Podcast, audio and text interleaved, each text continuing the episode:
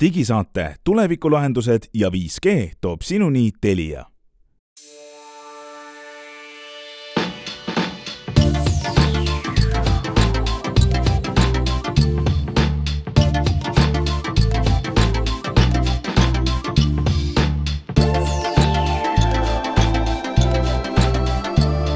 tere, head kuulajad, nimetu digisaade on siin, et lõpetada üks aasta ja võtta vastu teine aasta. me salvestame oma saadet täna, kolmekümne esimesel detsembril kaks tuhat kakskümmend kaks ja tahame teada, kuidas me selle aastaga rahule jäime. ja eks muidugi selles kingades vaatame ka edasi, mida kaks tuhat kakskümmend kolm võiks meile tuua, mida me ootame, mida me tahame, mida me igatseme ja mida me usume, et juhtub. selline öö, ühe lehekülje pööramine, teise lehekülje avamine, selline saade meil täna tuleb neljakesi oleme seda siin tegemas. Henrik Roonemaa, Hans Lõugas, Meelis Väljamäe, Glen Pilvre. nimetu digisaade võtab kokku kaks tuhat kahekümne kahe ja avab kaks tuhat kahekümne kolme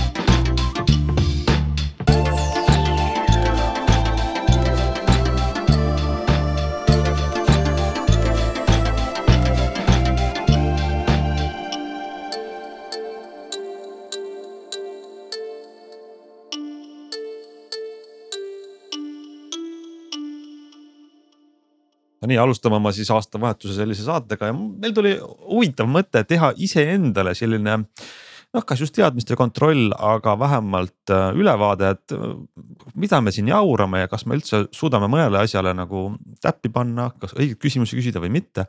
selleks me võtame aastatagused küsimused, ennustused, lootused, ootused, mida me siis siin saates kaks tuhat kahekümne kahe saabudes välja käisime või küsisime või vähemalt tahtsime mõelda, et see on oluline. vaatame, kas see on täppi läinud ja, ja lisaks ka vaatame, mida me siis võiks veel, mida me ei osanud arvata sellest aastast, mis oli oluline ja mis kaks tuhat kakskümmend kolm meile tuua võiks. no kui ma teeksin otsa lahti, siis ma ilma pikemalt keerutamata mõtleme, kas nüüd lõppenud kahekümne, kahe tuhande kahekümne teisel aastal võtan aga ilusti riburada pidi küsimusi, mida me arvasime ja et võib juhtuda. esimene küsimus oli, kas Windowsi maailm tuleb oma protsessoritega välja ja võib-olla ma laiendan või tõlgin seda küsimust. kui ma nüüd usaldan, mida me mõtlesime aasta aega tagasi, siis ilmselt me mõtlesime, et kas Windowsi maailm suudab konkureerida ARM-i tehnoloogial olevate Apple'i protsessoritega, mis on väga võimsad ja väga vähese energiatarbega ja, ja Windowsi maailm aasta tagasi oli ikkagi täiesti vaeslapse osas, neil ei olnud midagi vastu panna äh, selles osas. aga kiire kontroll, mis te nüüd ütlete, äh, kaks tuhat kakskümmend kaks ei tulnud ju vastust. kõik on muutusteta, küll on toimunud natukene huvitavaid asju, äh, mis on nagu nii kuidas ma ütlen, high level või nii, nii corporate, et, et see ilmselt siin meie kuulajat väga ei huvita, aga ähm,. Qualcomm, kes on nagu selline ainus ähm, noh, tugev protsessoritootja, kes praegu hetkel teeb äh, ARM protsessorid, millega Windowsi kasutada saab, siis äh, nemad ostsid ära sellise väiksema protsessoritootja nagu Nuvia äh, juba eelmine aasta. aga mm -hmm. sealt nagu nad loodavad ise, et tuleb siis Apple'i protsessorite konkurenti, aga siin on olnud päris mitmeid selliseid kaikaid kodaratesse loobitud, põhiline oli siis see, et ARM kaebas Qualcomm'i selles kohtusse nimelt sellepärast, et, et Qualcomm väidab, et need Nuvia patendid, mis siis Arm on neile litsenseerinud, võib edasi kasutada ja Arm ütleb, et ei, et kui nad ära ostsid, siis te peate nendest eraldi topelt maksma, ühesõnaga nagu uue diili tegema. ja see natukene ilmselt pidurdab seda, aga Qualcomm ise arvab, et, et kaks tuhat kakskümmend neli võiks olla see aeg, kui nad suudavad Apple'ile päriselt konkurentsi pakkuda. siis võimsuse ja, ja akukestuse poole pealt, aga me ei tea muidugi, mida teevad teised, et noh, ega rohkem siin konkurente väga ei ole, kui Mediatek võib olla ainus, kes midagi teha suudab, eks ole. No aga need, ähm, millest me räägime, see ähm, protsessori tehnoloogia, kiibitehnoloogia arendustöö on tohutult investeeringumahukas ja väga ajamahukas, et kui sa ütled kaks tuhat kakskümmend neli, ma isegi arvan, et see on optimistlik, äh, sest et teada on, et kui Apple oma M1 ähm, protsessori tõi turule, siis see turule tulek oli tipp siis ikkagi väga paljudel aastatel arendustööle, nii et see ei ole selline, et, et konkurent vaatab, et ahah, Apple'i äh, protsessorid äh, siis ütleme.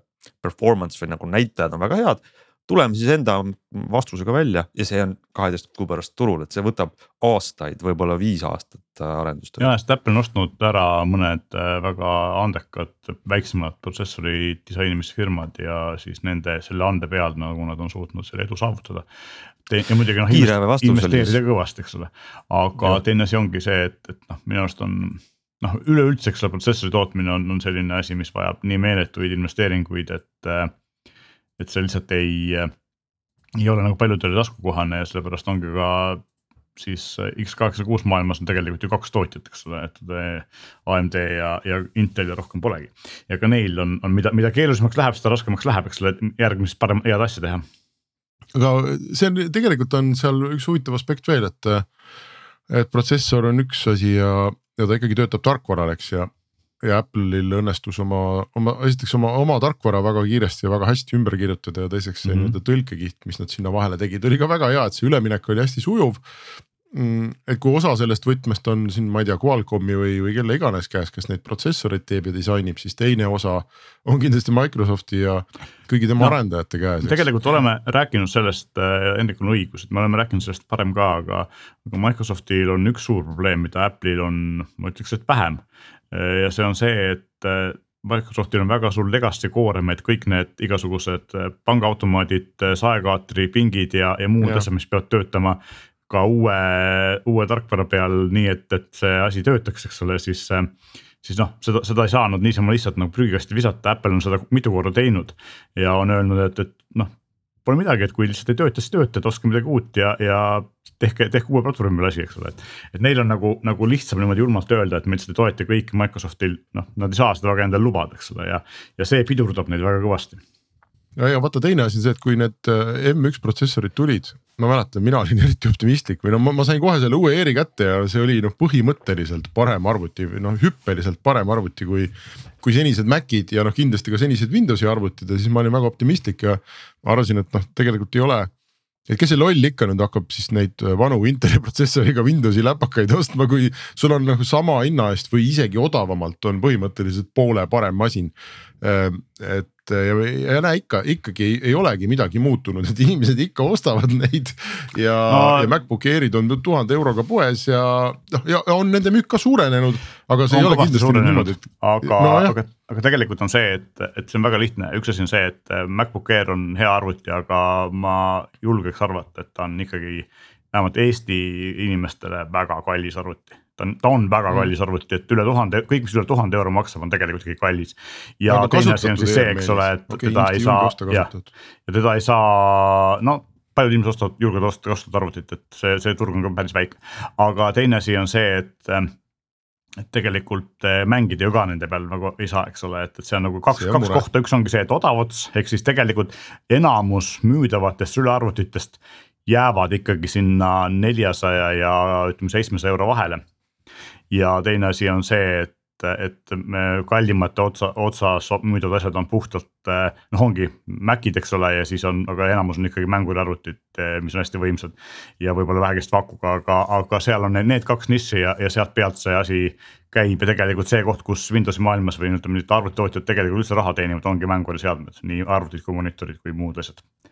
ma tahtsin siia vahele öelda veel seda, et, et, et lihtsalt kogu selle et mis läheb jälle paremaks ja mis, mis nii hea ei ole ja alati üks väike oluline aspekt on see ka, mida inimesed ootavad.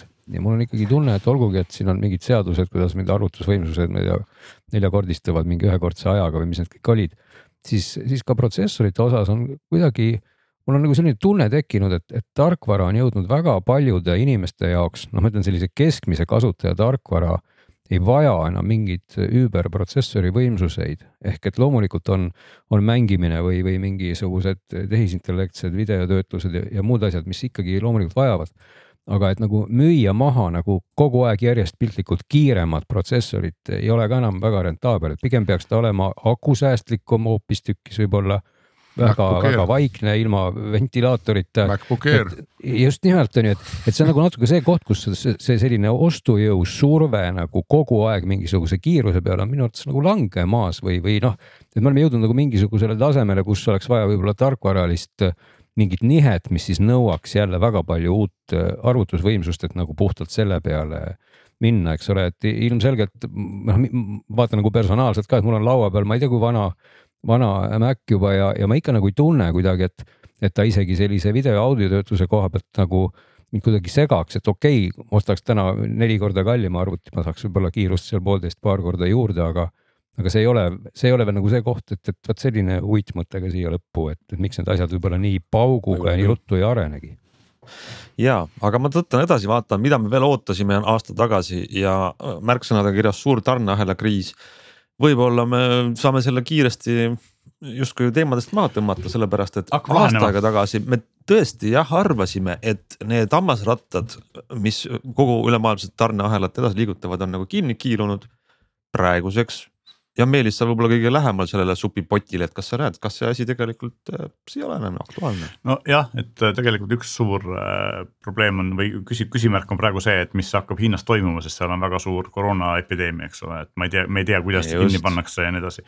aga üldiselt tundub, et hakkab lahenema ja, ja meie turul võib-olla seda nii palju ei olnud, mulle tundus, et autotööstus sai sellega palju rohkem pihta kui, kui äh, selline muu kodumasina või tehnikatööstus. ja ega tegelikult see kiibikriis ei puuduta ju ka tulevikus, et ega, ega mingit, mingil määral ta jääb kestma, aga minu arust ähm, ütleme nii, et, et see ei puuduta niivõrd võib-olla arvuteid, no üks asi, mis arvuteid puudutab, oli see äh, videokaardi teema, aga see puudutas seda krüptoturgu, eks ole, see oli natuke teistsugune küsimus. mis sai ka lahenduse koos krüptoturgu kokkukukkumisega. aga, aga Glen, Glen oskab seda kindlasti võib-olla täpsemalt kommenteerida, aga mina arvan, et, et mis võib-olla nii kergesti ei saa lahendatud ja mis läheb võib-olla tulevikus isegi hullemaks, on just kodumasinad ja autod, ehk siis seal on nagu see asi, et ei, ei pesumasinates ega autodes ei kasutata uusi kiipe, ehk siis need asjad noh, on jah, protsessorid, mis jo, jo, jooksutavad su navisüsteemi ja nii edasi, eks ole, aga. aga enamus ju controller'id, mida autos kasutatakse, on päris vana tehnoloogia peal, nad on sellised noh, paarkümmend aastat vana tehnoloogia peal asjad ja, ja seal on lihtsalt see, et need tehased hakkavad vaikselt äh, ära kustuma ja uusi ei tehta, uusi, uued tehakse uute tehnoloogiate peale, see eeldaks nagu siis nendelt eh, tootjatelt nagu täiesti uue protsessi peale üleminekut ja see võtab nagu aega ja vaeva, eks ole, et, seal on nagu. võib-olla see elektriautode tulek midagi mõjutab, aga noh, samamoodi, et, et ma kujutan ette, et kui sul on eh, mingisugune ABS-i controller, siis seda on tehtud kümme aastat suht sarnaselt, eks ole, ja ta on ikka mingisuguse saja kahekümne millimeetri nanomeetri protsessi peal, mitte, mitte seitsme peal, eks ole et seal on see, see probleem, et see nõudlus versus äh, siis nii-öelda legacy selline saadavus, see on, on, võib probleemiks olla. graafikakaartide hinnad on endiselt üleval ja ma just lugesin, et, äh, et siin see tiib, kiibivalmistaja TSMC-d oli tõstnud vist eelmisel aastal või noh, lõppeval aastal nüüd siis. muideks üks asi, mida mina lugesin kui sa TSMC-st rääkisid, siis me rääkisime ennem sellest, kuidas äh, on olemas, eks ole, protsessori tootmine on nii keeruline asi, et on olemas ainult paar firmat, kes suudavad disainida. aga tegelikult tootmisega on veel hullem, sest et paar, on ka paar firmat, kes suudavad toota. aga näiteks ähm, neid kõige kallimaid, kõige kangemaid tähendab protsessoreid, mis on siin praegu viie või kolme nanomeetri, seitsme, seitsme nanomeetri protsessori peal. Äh, nende protsessorite tootmiseks vajalikku riistvara ehk siis neid äh, roboteid, mis neid toodavad, teeb maailmas üks, üks Hollandi firma konkreetselt üks firma ja ongi kõik, eks ole, nii et, et seal on nagu eriti keeruline asi. Ei no autode puhul on muidugi alati teeb keeruliseks see, et tänapäevane auto on lihtsalt täis kõike ilmselt, mida maailmas üldse toota annab ja, ja kui ükskõik milline nendest asjadest parasjagu pole kättesaadav, et isegi no ütleme, see Ukraina sõda ju ka väga hästi näitas kohe kätte igasugused erinevad jupid, mis sealt tulid, alates juhtmetest ja mingitest pistikutest ja. ja nii kui, nii kui neid juhtmeid ja pistikuid enam ei tulnud, siis oli paha lugu, sest autos peab teatavasti juhtmed olema ja. ja, ja, ja nii, nii edasi, et tegelikult noh, auto on lihtsalt nagu ma ütlen, täpselt see koht, kus, kus üks mingi kaamera moodul ja üks asi on puudu ja siis sa ei saa autot kokku panna, et, et siin on ju mudeleid küll ja veel, mis on nii, et noh, sul on nagu justkui valida, et ma ei tea, kas sa tahad omale nii-öelda tagurdus või ümbervaatavaid kaameraid või tahad oodata kaks aastat, eks ole, või et, et täitsa siukseid absurdseid juhtumeid on ju kogu see kogu see autode tänane konfigureerimine. jah, ja see ju tegelikult täis. ei, ei puuduta ju ainult elektroonikat, eks ole, et siin noh, igasugused, ma tean, et turvapatju teeb vist enam-vähem üks või kaks firmat maailmas, eks ja. ole, ja.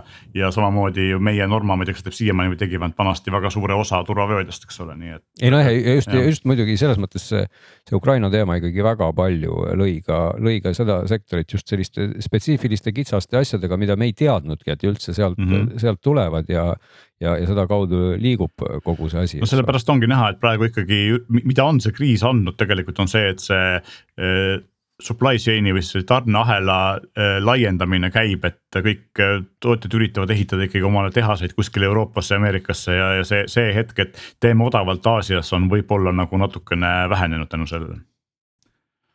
ja see on oluline trend, aga mm, ma hüppan kohe järgmise teema peale, sest et võib-olla jõudsime siit protsessorite disainimisest ja tootmisest. jõuame nüüd ähm, meil on selline üks suur tehnoloogiagigant siin kirjas Google, millega seoses on küsimus, mille kuradiga tegeleb Google. mina kirjutasin selle aasta kiir... tagasi sinna ja yeah., ja siis. huvitav, ei ja, aga seda tegelikult täna nüüd saab seda küsimust ikkagi väga nagu väga laiendada, mitte ainult Google'ile, sest tol hetkel mulle tundus, et Google on noh, nagu uh, hulkumas või triivimas on see sõna et uh, midagi nagu tehakse, eks ole, mingi hoog on sees, aga noh, keegi päris täpselt ei tea, kuhu poole see tüür tuleks pöörata ja mis sealt siis nagu tuleb. aga kui me vaatame nüüd aasta edasi ehk praegu, kolmkümmend üks äh, detsember kaks tuhat kakskümmend kaks, siis minu meelest saab seda küsimust laiendada ikkagi valdavale osale nendest suurtest tehnoloogiafirmadest, eks. millega tegeleb Facebook, ähm, noh isegi, isegi, et millega tegeleb Apple mingis mõttes ja kuigi nendele vist kõige vähem Äh, ja Microsoftil tundub ka nagu enam-vähem hästi olevat, aga neid noh, millega tegeleb Amazon näiteks, eks. et kõigil on selline sisekaemuse hetk, et oot-oot-oot, et noh, head aastad olid, me oleme väga suureks paisunud, mis see, ütleb keegi, mis see summa oli, mida Amazon äh, Alexasse on äh, matnud igal aastal. Nad on kaotanud kümme miljardit. jah, ja, ja ja, ja täpselt juures... selline hetk, et vaadatakse sisse, et oota, aga millega, millega me tegeleme, et miks me teeme seda või mis me saame sellest ja, ja mi, kuidas nüüd ikkagi nagu raha teenida aga minu arust on päris hea seletus, igal sellel punt, punt erinevaid tegelasi on, need karaktereid ja kõigil on neil oma seletus. Amazoni ja Microsofti puhul on minu arust kõige parem see, et nad on ikkagi läinud interneti alustalaks oma infrateenustega AWS ja Azure ja Microsofti selle kõrval on väga hästi kaasajastatud kogu see lõppkasutaja tooteportfell, Windows, Office on muutnud tellimuse põhiseks. Microsoft on mingis mõttes kõige tugevamas seisus siin. just, Amazon mulle tundub, neil on jällegi see infraäri on nii hea, et nad suudavad eksperimenteerida miljardite eest oma Alexaga, mis tuleb välja, on noh jah mõttetu, aga see ei tähenda, et nad triivib, see on nende jaoks see hobiprojekt, mis ei õnnestunud. aga, aga ma olen sinuga nõus, et Metast võib-olla räägime veel eraldi, aga Google'i osas ähm, on, on, on see, see laev on nii suur, see triivimine pole õige sõna, aga, aga inertsist paneb edasi aga mis on nende see mm, projekt, mis äh, paneb nad uuele kasvule? me ei tea, eelmine aasta kirjutasime siia Fuchsia, mis on nende nagu uus operatsioonisüsteem, mis äh, peaks ühendama kõiki seadmeid üldse, olgu see arvuti või nutikõlar. aga, aga aasta hiljem, praegu mulle tundub ka, et see Fuchsia on pigem selline, kuidas öelda mitte lõppkasutaja toode, vaid mingisugune äh, raamistik, mille peale ehitada uusi tooteid, noh, ühesõnaga, mis ei ole, mis on nagu inseneritehniliselt võib-olla huvitav asi, aga mitte, mitte mingi äriline. aga sealt ei tule aga kasvu selles mõttes, et seal on, seal on võib-olla see, et nad teevad endale parema platvormi Androidi asemele, mis mm -hmm. siis mhm. nagu on võimalik igale poole toppida. aga see ei ole kasutajatele nähtav muudatus, eks ole. just ja..., aga mis ongi see Google'i see nii-öelda strateegia siis? minu jaoks on see Google'i kogu sellest pundist kõige nagu suurem küsimus, no ja Meta ka. Google ja Meta, mida nad teevad, kuhu nad tahavad minna, kas, ma saan aru, Meta jaoks on olnud see, see hobi, mida nad sealt loodavad uut kasvu, kogu see metaversum siis ja kogu see virtuaalreaalsus, mis on Google'i jaoks samasugune asi, mida, millega nad riskeerivad, kus nad katsetavad? no nad katsetasid staadiaga, mille nad kinni panid. See oli üks asi, aga see on mingi pisike asi. pisike asi, kas, mis on saanud äh, nende spin-off'ist, mis tegeles isesõitva transpordiga. kusjuures mina olen pannud äh, ühe selle aasta sellisesse negatiivse äh, või, või fail'ide poole selle asja kirja, et äh, autotootjad ja startup'id said aru, et isesõitvate autode tegemine on palju keerulisem, kui alguses tundus, ehk siis Google on seda pingutanud ja nad on natukene kokku tõmmanud seda äri, eks ole, Apple'ile ei tule see tundub seal laborites väga hästi välja. Argo ai, mis oli väga edukas, tundus väga edukas pandi kinni ja tassiti patendid laiali, eks ole, et Neid on teisigi, Teslal on sellega väga palju probleeme ja, ja nii edasi, et, et tegelikult noh, tundub, et ka see on samamoodi nagu see. see Amazoni Alexa assistentide teema, et see, see viimane üks protsent, eks ole, on nii keeruline, sellest ülesaamine võib juhtuda homme, võib võtta kakskümmend aastat, et selles mõttes noh, me ei tea, kuhu sellega jõudub. ja, ja võib-olla juhtubki see, et, et finants saab otsa või, või, või viitsimine saab otsa, eks ole, et ja ja nagu siin noh, selle Argo ai puhul juhtus, eks ole, et suured investorid Ford ja Volkswagen lihtsalt võtsid patendid endale ja saatsid inimesed koju, nii et noh me, me ei tea, mis, mis sellest saab, aga, aga tundub jah, et, et me oleme võib-olla jõudnud mingites asjades selle koha peale, kus see kaameli küüru viimane lõpp on nii raske ületada, et, et sealt ähm, isegi, isegi suurtel tegijatel on seda keeruline teha no kui tegelikult äh, aktsia hind on väga hea indikaator sellele, mis, mis firmaga toimub ja mida inimesed sellest firmast arvavad ja noh, kui võtta siin kogu siis praktiliselt kaheksakümnendatest kuni või ütleme firma börsile tulekust kuni tänapäevani. noh, siis Microsofti aktsia hind äh, on, nad tulid turule kümne sendiga umbes vist, ma vaatan siin silma järgi. ja, ja aastaks äh, kaks tuhat, ütleme viisteist, kuusteist oli see kasvanud neljakümne kolme dollarini. panid kümme senti sisse, võtsid nelikümmend kolm dollarit välja. nüüd äh, äh, oli üle kolmesaja ühesõnaga, et igal, igal sellel praktiliselt sellel suurel tehnoloogiafirmal on noh, absurdne kasv on olnud viimase mõne aasta jooksul aktsia hinnas, eks. ja noh, nüüd, nüüd me näeme, kuidas need tulevad alla, Apple'il täpselt sama lugu äh,. Google'il täpselt sama lugu, et see selline hüpe üles on nagu toimunud ja raha oli palju ja, ja, ja ma arvan, et mingis mõttes nad on saanud noh no nad võisidki laisad olla mm, -hmm. sa olid optsioonidega töötaja seal on ju ja vaatasid, et voo, kahe aastaga minu sissetulek või minu varandus põhimõtteliselt ma ei tea, nelja-viiekordistus. noh, et siis sa sa ei rabele nii ilmselt nii väga, aga, aga nüüd nad tulevad alla ja, ja, ja teiseks ma arvan, et need firmad, paljud nendest on äh, oma sellises loomupärases olekus saanud piisavalt suureks, et jube keeruline on kasvada. me võime seda Facebooki siin noh kiruda, et oo oh,, mis sealt tuleb, mis sealt tuleb. Neil on, ma ei tea, mitu miljardit kasutajat, et noh kust ta siis tuleb, kas nad hakkavad äh, sipelgatele tegema sotsiaalvõrgustikku, et saada kasutajaid juurde või. et, et nad ongi lihtsalt juba nii suured, et see küsimus ongi noh, vaata et eksistentsiaalne. nii et ma arvan, et äh, neil tuleb selline sisekaemuse aeg ja, ja võib-olla isegi kokkutõmbamise aeg ja, ja noh, äkki siis ega Microsoft on, äkki siis suudetakse kunagi tagasi pöörata või leida oma see selline mõistlik koht või see mingisugune kasv üles, et ega Microsoftil on ka neid kriise siin äh, olnud küll ja veel kus kõik on küsinud, no nii, et mm -hmm. selle firmaga on nüüd kõik, eks ole. no ja ei ole kõik, on tehtud IBM täpselt samamoodi, et on tehtud ikkagi ümberpöörde ja, ja, ja osad nendest suurtest kindlasti suudavad need ümberpööramised teha. aga noh, Sony on näiteks selline firma, kes ei olegi tegelikult päriselt nagu tagasi saanud sinna oma noh, täiesti hiilgeaegadesse, kus ta oli.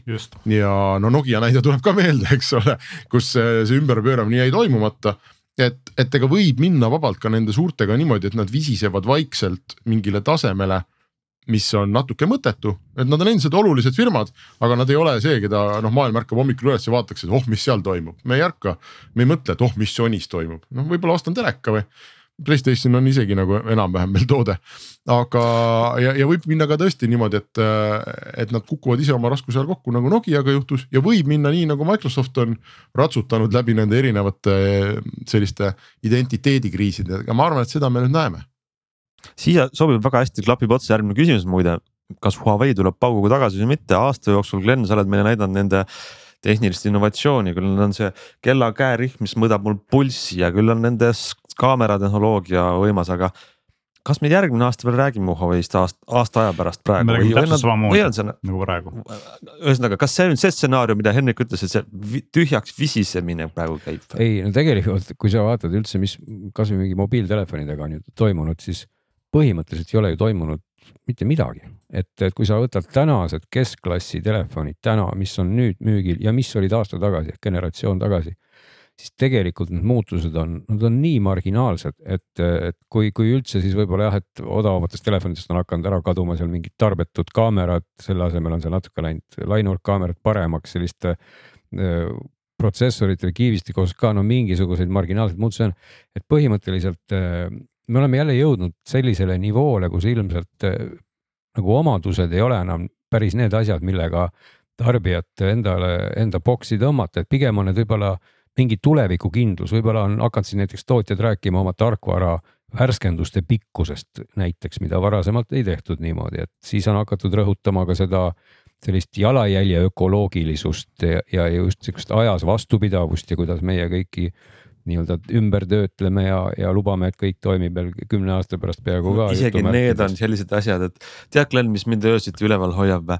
et iPhone saab USB-C kaabel järgmine aasta no, ja see on ainu-, see on nii tühine asi. jaa, aga, aga, aga see ongi nagu noh, see on natuke, ongi nagu see koht, kus ilmselgelt eh, nagu näha on, et, et, et noh, selle, selle koha peal on see, see väsimuse moment, et mis on ka täitsa loogiline, et, et et samamoodi, kui sa, kui sa ostad omale või saad mingisuguse uue asja või, või koha või siis, siis ta on ju mingil hetkel sinu jaoks väga uus ja huvitav, aga kui ta on piisavalt hea, siis ta ongi ju piisavalt hea ja et saada sedasama emotsiooni, siis sa peaksid justkui, justkui veel midagi paremat siis saama või et, et see on, see on natukene see koht, kus, kus asi, mis töötabki hästi, töötabki hästi, et selle, et, et, et nagu selline paradigmaatiline muutus ei saa tulla sellest samast asjast, mis sinu neid samu asju ära ajab ja seega seega eelmise tehno, selle suurte firmade jutuga võib-olla noh, seesama point Hendrik ka välja tõi, nad on nii suured juba. et see ongi seesama koht, kus tegelikult, kui, kui see rong nagu hästi sõidab või kasvõi nagu Amazon, eks ole. et, et siis noh, see rahavoog on neil tegelikult hästi stabiilne, et, et pigem on küsimus selles, et, et nüüd oleks vaja ka ideid, oleks vaja võib-olla midagi kuhu seda voogu siis suunata, et, et sealt tuleks midagi uut, sest omal ajal said nad ju alguse sellest, et, et noh, alguse ei saanud need firmad, ütleme sellest, et, et oli kusagil kellelgi taskus miljard ja siis oli mõte, et, et oh, et, et võiks igavusest midagi teha. Nad said pigem alguse sellest, et kellelgi oli eelkõige väga hea idee, mida siis kasvatades see miljard tekkis lõpuks, eks ole, et et, et samamoodi ikkagi maailma muutvad asjad põhimõtteliselt ma, ma nagu julgeks öelda, ei hakka nagu suurest rahast, vaid hakkavad suurest ideest et, et.... jah, aga vaata üks viis, kuidas need äh, suured firmad saavad kasvada ja ma tulen jälle Microsofti juurde tagasi. okei okay,, neil on olnud äh, äh, väga halbu oste no seesama Nokia, eks, et kirjutati miljardid ikkagi nagu maha. aga üks viis on äh, ka ikkagi osta väiksemaid tegijaid ära ja noh, nagu vampiir siis, eks ole, toituda no nooremate verest. Aga seda peab ka oskama ja kui me mõtleme näiteks äh, kuidas on siin, millised on olnud näiteks Google'i või ka Amazoni äh, erinevad ostud või ostetud ettevõtted? ma nendest suurematest ostudest mingit suurt edulugu ei mäleta, Google'i Fitbit äh, triivib, eks ole, kuskil. kas Nest on, Meelis, ütle mulle, on ka Google'i käes või on Amazoni ja. käes? Google'i käes, eks. noh, samamoodi tegelikult ka midagi nagu tarka ei ole, jälle triivib. ma ei tea, kas Sonos on veel õnneks vist üksi või on keegi sellele ka käpa peal no,? veel on jah veel on üksi ja Amazoni puhul äh, neid rumba tegijaid, iRobot, eks ole, ja siis neil oli äh,. kes see Eero ära ostis selle wifi tegija? ka Amazon. Amazon on ju ja Amazon oli veel midagi, mida nad äh, ostsid. kaamerad vist ka need äh,. Wise oli Wise äkki, ühesõnaga jah. jah, et ei ole sellest, Ring oli mingisugune uksekell, kellega mm -hmm, keegi ära ostis, vist Amazon, eks. et nendest suurtest ja päris kallistest ostudest nad ei ole nemad minu, vähemalt praegu küll ei paista, et nad oleks suutnud sellest äh, noorte ägedate firmade ja tegijate verest ennast kuidagi rõõmsamaks ja rõõsamaks imeda, et, äh, et seda peab ka oskama ja jällegi siin. Apple'il on see pigem hästi välja tulnud, nad ostavad vähem, aga ikkagi mõtlevad vist enne selle peale, nad need selliseid väga suuri noh, selliseid säravaid oste ei tee või mis kogu maailma jahmataks ja, ja samamoodi noh, Microsoft ka. Google'i üks ost muidugi oli Youtube, mis mille no, kohta, eks ole, ja Facebookil oli Instagram, aga Facebooki probleem on see, et neil ei lubata enam midagi osta. et, et no,, et nad on ka teistpidi ennast nagu kinni mässinud, et nad peavad seda jõudu ikkagi iseenda seest pigem leidma. eks see toimub äh, ilmselt paratamatult kõigiga, kes liiga suureks kasvavad, et mingil hetkel äh, lihtsalt äh, seadused ja, ja igas monopoli vastased asjad tulevad ette, et, et ühel hetkel sa ei saa enam rohkem osta muide siiamaani praegu on kolmkümmend üks detsember ja natukene on suusailma ka ja mida ma nägin suusamäel, arvake. siin saates rääkinud. ei, mitte suuskadest ma ei räägi, ma räägin, mida tehti telefoniga suusamäel. Be Real'e, nii et. Äh, lõpuks ometi. kas Be Real kasvab edasi või mitte ah, ja ütleme demograafia oli just sihuke teismeliste demograafia oli. nii et ja. Äh, eks näeb. aga vaata, aga öeldakse ju, et äh, et eriti tehnoloogias tehakse raha või noh, areng toimub kahel moel, et on see äh, asjade kokkupanemine ja asjade laiali lammutamine. ehk äh, kui sa võtad terve hulga erinevaid väikseid teenuseid ja paned nad üheks suureks kokku, siis tekib sellest inimestele mingi väärtus, eks ole, ja siis sa saad suureks. ja teistpidi, kui sa oled nii suur, et su enda areng on aeglane, bürokraatia on ja sul on mingid regulatiivsed probleemid ja, ja, ja sul tekivad maineprobleemid ja inimesed ei leia enam üles sinu teenuseid ja ja, ja, ja arendus jääb nagu aeglaseks, et siis tekib võimalus hakata sinu kokku pandud teenuseid noh, teistel jälle nagu laiali lammutama, eks ole ja mingis mõttes seda me ju näeme, et no mis see B-Reel on, B-Reel on äh, Instagrami de dekonstrueerimine, eks ole. või äh, noh, kui me jõuame sinna Mastodoni juurde, siis Mastodon ei ole tegelikult me täna mul on väga suured kahtlused, kas temast saab mingi väga suur asi, aga Pigem kui saab mitte. ja pigem võib-olla mitte, aga, aga see, see mõte või see liikumine seal taga ei ole mitte nagu otseselt teha nüüd nagu Twitteri klooni, vaid see mõte on tegelikult kogu sotsiaalmeedia nagu dekonstrueerimine, et, et enne meil oli nagu üks, kaks, kolm suurt sotsiaalmeediat, eks oli, ma ei tea, Facebook, Instagram ja Twitter. siis äh, nüüd võib igaüks teha omale Twitteri ja, ja neid saite tuleb nagu veel ja veel et me pudendame neid ja noh, samamoodi, nüüd võib igaüks olla kuskil kas Piiriilis või noh, TikTok on suur, eks ole.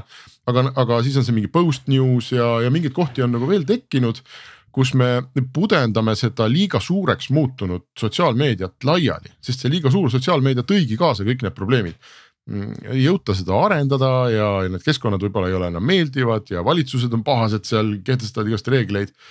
et ma arvan, et on iseenesest soodus hetk neid suuri tüüpe hakata lammutama.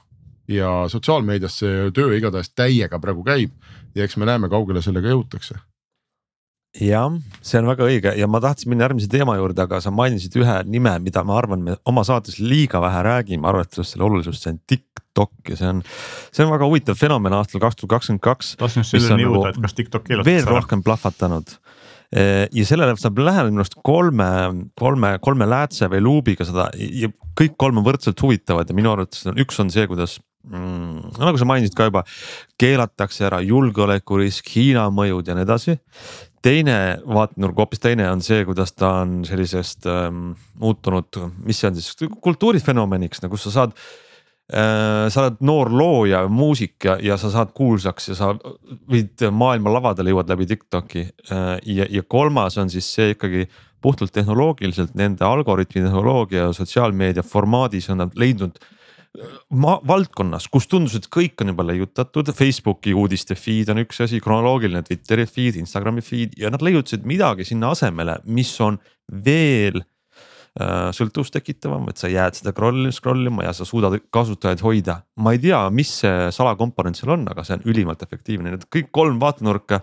minu arust kaks tuhat kakskümmend kaks näitas, et TikTok on, on natukene see see, keda pidevalt alahinnatakse oma, oma mõju ja võimu osas äh, ja haaravuse ja, ja geniaalsuse osas nii halvas kui heas mõttes, nii et.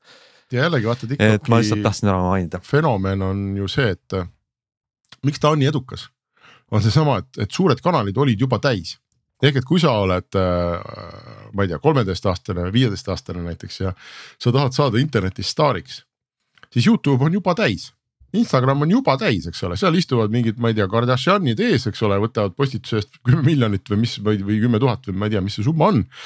ja sa, noh, sul on väga raske. aga järsku Tiktokis on tekkinud ju täiesti tühi kanal ja, ja need staarid, keda me seal näeme, kes teenivad sadu tuhandeid, miljoneid äh, kuus. Need on kõik täiesti uued nimed seal on ikkagi väga-väga vähe neid, kes äh, olid, ma ei tea, Youtube'i staarid umbes teenisid seal miljoneid ja nüüd noh valitsevad Tiktoki. seal on väga palju uusi nimesid, kes teevad teistmoodi sisu ja neil oli tühi liivakast ja nad ehitasid, uus põlvkond põhimõtteliselt ehitas endale selle tuleviku äh, ise. ja, ja ma arvan, et kui äh, seal, ma ei tea, Robloksi või võib-olla eriti ka Fortnite'i tegijad oleksid nutikad tüübid, siis nad katsuksid seda võimalust sinna kuidagi sisse inkorporeerida, ehk et ma võin saada ka Fortnite'i staariks ja teenida sellega miljoneid, ma ei tea, luua seal midagi või olla no. seal keegi, eks ole. sest mis, mis see Fortnite muu on, tal on väga tugevad sellised sotsiaalvõrgustiku alged ju ikkagi nagu olemas sees. ja, ja, ja noh, Fortnite on samamoodi veel üks katse lammutada laiali neid äh, selliseid kõrgete müüridega aedu, mida, mida need suured nii-öelda internetti valitsevad firmad on siin viimase viieteist aasta jooksul ehitanud äh,. nii et neid võimalusi on tegelikult igal pool iga ja, ja ma arvan, see põhiline äh, jõud seal taga ongi mitte need tüübid, kes on juba rahul Youtube'is ja ei julge paati kõigutada, sest raha voolab sisse, eks ole, produktsioon on taga. vaid just need tüübid, kes on näljased ja kellel on äh, vaja midagi uut ja õnneks, õnneks me nüüd täitsa seda uut internetipõlvkonda näeme, ma arvan, et see on väga kihvt. samas on see muidugi noh, mõnes mõttes nagu lõppematu protsess, et ega siis ja. Youtube oli omal ajal täpselt sama koha peal nagu TikTok praegu, et kogu aeg on keegi olnud uus ja, ja alati tekib seesama probleem, et kui lõpuks Tiktokis on äh, kõik muutunud rahulikuks ja oma rahavooga ära harjunud, siis ilmselgelt on vaja jälle mingit uut kohta, olgu see siis mis iganes koht, kus, kus võiks midagi teha, aga selle eeldus ka, et seal midagi teha, on see, et sinna ilmuvad ka siis jälle uued järgijad, kes, kes ei mahu enam mujale järgima ja sest kui sa päris üksi kusagil möllad, siis ka natukene igav, eks ole, nii et, nii et eks see, see ongi selline elu, elu pöördumatu protsess, et kogu aeg tuleb, peabki olema midagi uut, sest et, et see vana lihtsalt saab täis ja muutub igavaks. Vaata, see on nagu ööklubidega, mäletad, on mm. Tallinnas on, mina mäletan mingisuguseid ööklubisid, mis olid mingis kohas mingite nimedega tegelikult nad on mingi kolm-neli-viis, ma ei tea, võib-olla kuus äh, ümber sündi teinud, et on täpselt samas mhm. kohas, tümm käib, aga kõik on teistmoodi ja täiesti uued inimesed on seal et ega see on. see on eluringlus jah. jah, jah ja nagu lihtsalt targemad lõigavad seda ise, eks ole. siinkohal lihtsalt võiks, võikski teha panused ja vaadata, et millal siis, millal saab täis TikTok ja tuleb siis järgmine, eks ole, hip-hop sinna kõrvale. mis hakkab TikTok'i no, lammutama. viis kuni kaheksa aastat pakuks või, või mingi selline kuulge, aga kui sa juba rääkisid Eesti ööklubidest, siis mitte küll ööklubidest, aga ma, arvan, et kui te mind ei takista, ma pööraks nüüd suuna hoopis Eesti küsimustele, ma võin tagasi tulla veel selle juurde, mis olulist juhtunud on või tuleb maailmas, aga, aga räägime korraks Eesti küsimustest ka, ma viskan paar konti õhku eelmisest aastast, mis meil oli. ja mis on võib-olla lühikesed, kas M-valimised tulevad Eestis ja vastus on ei tule, valimiskomisjon ütles, et kaks tuhat kakskümmend kolm M hääletada ei saa, võib-olla kaks tuhat kakskümmend neli Euroopa Parlamendi valimistel. ootame veel, ootame veel, nagu öeldakse äh,. aga võib-olla mida arutada, kas Eestis lõpuks saame 5G ja mis siis saama hakkab? seda me küsisime aasta tagasi. sa oled siin aasta aega saadet teinud, kas sa tõesti ei mäleta? ei no see, see oligi aasta tagasi küsimus. ja ma küsisingi aasta aega ja, ja aga mis siis saanud on nüüd, 5G on meil olemas.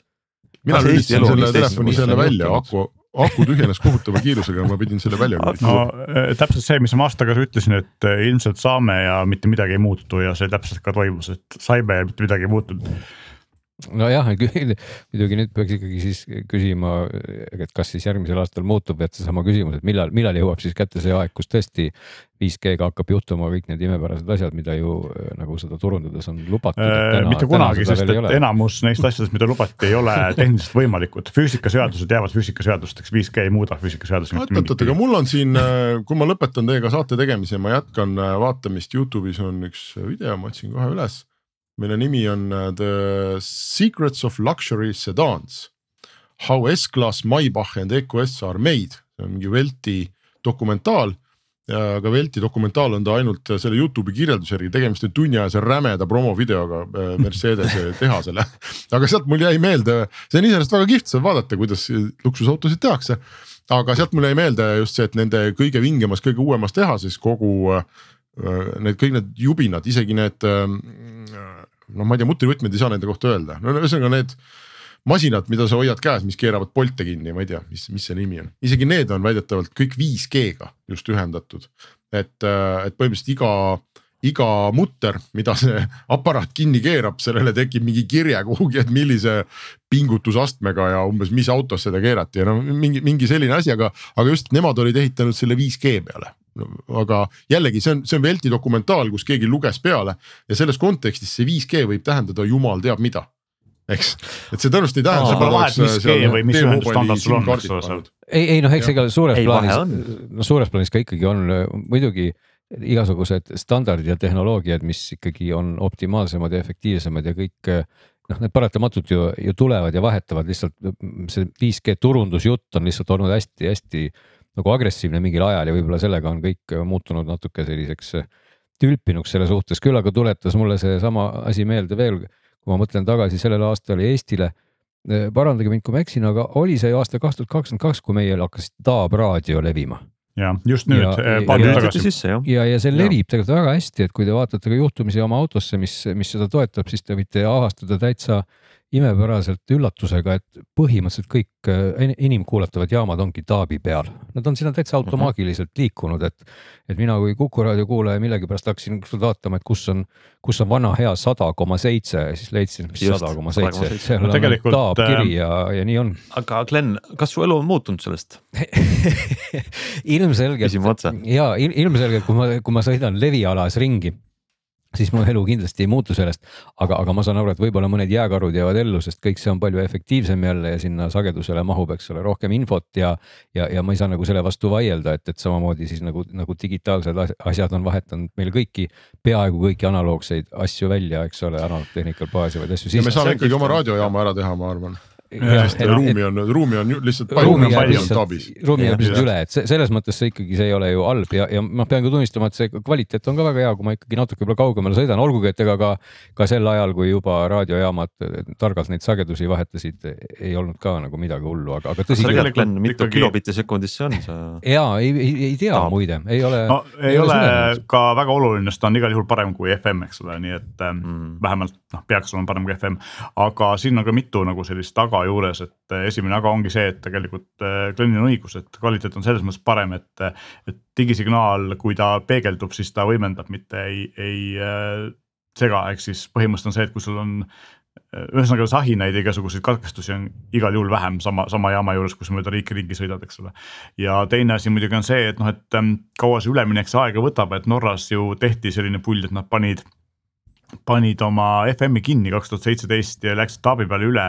ja siis juhtus see, et tuli välja, et ups, aga nagu raadioid ei ole inimestel piisavalt palju ja, ja nii mõnigi raadiojaam läks pankrotti, sellepärast et, et lihtsalt kuulajad kukkusid ära, sest et neil ei olnud piisavalt palju raadioid. no see on, see on muidugi huvitav ja. küsimus üldse, mida mainida, et, et võib-olla jah, Meelis, sa tead, mida, mida ka teie müüte, et kas üldse keegi täna muidu tuleb poodi ostma vana head raadiot või noh, jah, me siin võib-olla autoinimestena mõned ja, teame, et, et autodes see on, on ju, mhm. aga. ja siin, siin ma võin ka seda öelda, et taabraadioid on hakanud tekkima, et siin tegelikult on toimunud samasugune nokk kinni, saba lahti asi, eks ole, et, et pole ju mõtet müüa raadiot, kui kui ei ole teenust, ei ole mõtet teha teenust, kui pole seadmeid, eks ole, aga ilmselt teenus peab sel juhul siin juhul ette tulema ja enne tulema, et noh autoraadiotel, mis on nagu samasugused üle maailma, eks ole, olid nad juba jah sees mõne, mõne aja, aga samas tavalistel raadiotel, igasugustel äh, receiver itel, värkidel tihti ei olnud, sest et äh, neid tehtigi nagu kahe variandiga, abiga ja ilma, sest et ja meie, meie tellisime ikkagi ilma, kuna hinnavahe oli kohati mitmekordne. Siis nüüd on nagu ka see taapraadiote valik on läinud täiesti on olemas ja nende hinnad on ka alla tulnud, et kunagi nad olid väga-väga kallid, siis nüüd nad ei ole enam nii tohutult kallid, aga. aga raadiote müük kui selline, tavaliste klassikaliste raadiote müük on sel aastal kõvasti tõusnud, sest et igasugused kriisid ja sõjaohud ja, ja muud asjad, eks ole, et inimesed siis patareide peal töötavaid raadioid ostavad igaks juhuks, et kui ikkagi mingi jama tuleb, siis kuskohast infot saab ikka raadiost, eks jah, olgugi, et siin kõrval ja. ilmselt väga paljud tarbivad raadiot täna läbi neti, eks ole, et see võimalus no, see on, teine asi jah.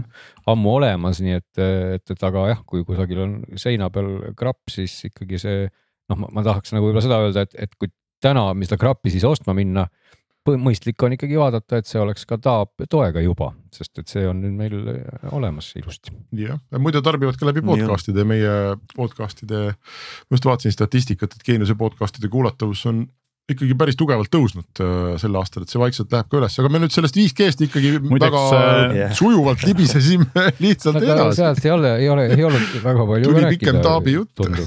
sest see, see tõi võib-olla nagu rohkem aga, elevust ja muutust. aga, aga, aga mis veel Eesti elus elevust on toonud või jäänud toomata sel aasta lõppenud aastal? Ma võin teile visata õhku ühe küsimuse, mis me eelmine aasta aega tagasi küsisime. kas uus liiklusseadus tapab äh, liikurid ära ja siin on mõte siis on ilmselt elektritõukerattad ennekõike, aga ka muud äh, üherattalised. no ei tapnud. minu arust ähm, üsnagi stabiilselt äh, hakkasime läbi saama omavahel teedel jalakäijad, autojuhid, liikurid, muidugi oli ekstsess ja inimesed läksid ka hüsteeriasse kus ei oleks pidanud minema. aga, aga läbisaamine oli ja, ja see aasta ainult tõestas seda, et äh, tehnoloogia on olemas, mis pakub meile üha soodsamalt, üha mugavamaid äh, liiklusvahendeid, millel on väike aku, mingi elektroonika, olgu siis üks ratas, kaks või ma ei tea, rohkem rattaid millega linnas liikuda, see on äh, mugav inimesele, see on energiasäästlik ja ruumisäästlik, kõige tähtsam.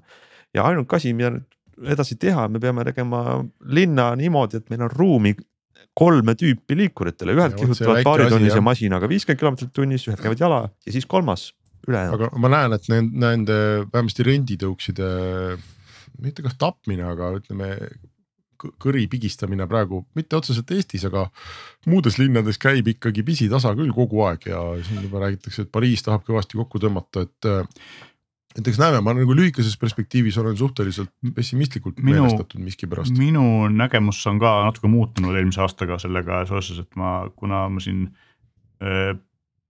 üle-eelmine aasta suutsin ennast ühe tõuksiga katki kukkuda, isegi olles ise om- oma arust väga ettevaatlik, siis ma eelmine aasta ostsin temaga väga palju vähem, eks ole, ja, ja ma veidi kardan neid nüüd ja mina tahaks pigem näha hoopis äh, tõukside asemel neid äh, selliseid elektrijalgrattaid nagu Boltil need kast-, need korviga mõned on, eks ole, et, et ma, see on, tundub mulle palju ohutum ja lihtsam sõiduviis, et ma natuke väntan ja, ja. kuule, riik hakkab uuel aastal ka pakkuma sulle toetust, et sa kastirattaga Ei tooks taha. poest endale kaupa. muide see aga ja ma aga tahtsingi võtta sõnasabast praegu kinni, et, et väga hea juba, et mainisid ka seda kastikate ja toetuste teemat, mis ühtega pidi siis on seotud liiklusega ja, ja loomulikult minu arust Eesti mõistes erakordselt ikkagi kuuma ja ki- erakordselt kirgi kütva teemaga, milleks on elektriautod.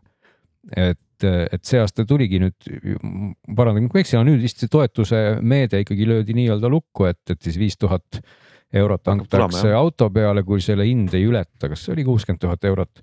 Jah. ja, ja siis kastiratta ostja saab, oli see tuhat või tuhat kakssada eurot, et kastiratas hoolimata koledale nimele on tegelikult tõesti päris äge sõiduk, et et tean ka siin paari inimest, kes oma lapsi ja asju veavad sellega täitsa aastaringselt ringi ja on, on väga rahul mingil ebaselgel põhjusel, saavad isegi siin lumes hakkama. oota, oota küll, aga palju need kastikad maksavad, mõni tuhat ma pakuks või? Nad maksavad ikkagi mõni tuhat pluss, see oleneb kvaliteedist, et tegelikult sa võid selle kastika Mhm. alla ikka matta päris suure summa raha, et ikkagi seal viis-kuus tuhat ei ole üldse võimatu, et, et. aga siis tuhat kakssada annab riik, et see teeb selline, ütleme kolmandiku või neljandiku silma järgi no sinna umbes nii jah, et ma, ma ei, jah, ei ole, ma ei ole väga spetsialist kastiratta osas ja võib-olla panen täitsa puusse nende hindadega ja võib-olla kui kusagilt Aasia kandist ise mingi konstruktor tellida, saab sellega nagu täitsa olematu raha eest, aga kõik need kvaliteetsed on, on, on suhteliselt kallid jah, nii et, et selles mõttes see jah, see, see toetus sealtpoolt on muidugi oluline, aga, aga puudutades ka sedasama elektriautode teemat, siis tegelikult äh, kaks tuhat kakskümmend kaks tundus vähemalt äh, selline aasta küll olevat noh,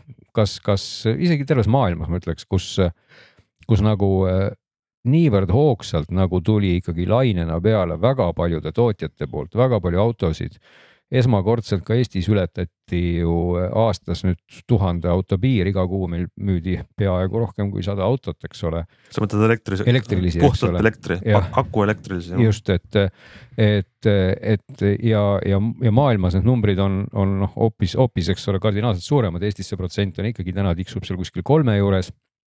aga, aga, aga noh, juba ütleme, Volkswagen Grupp, Mercedes, Stellantis, suured tootjad tegelikult kõik Euroopas on tulnud väga-väga kõvasti pildile.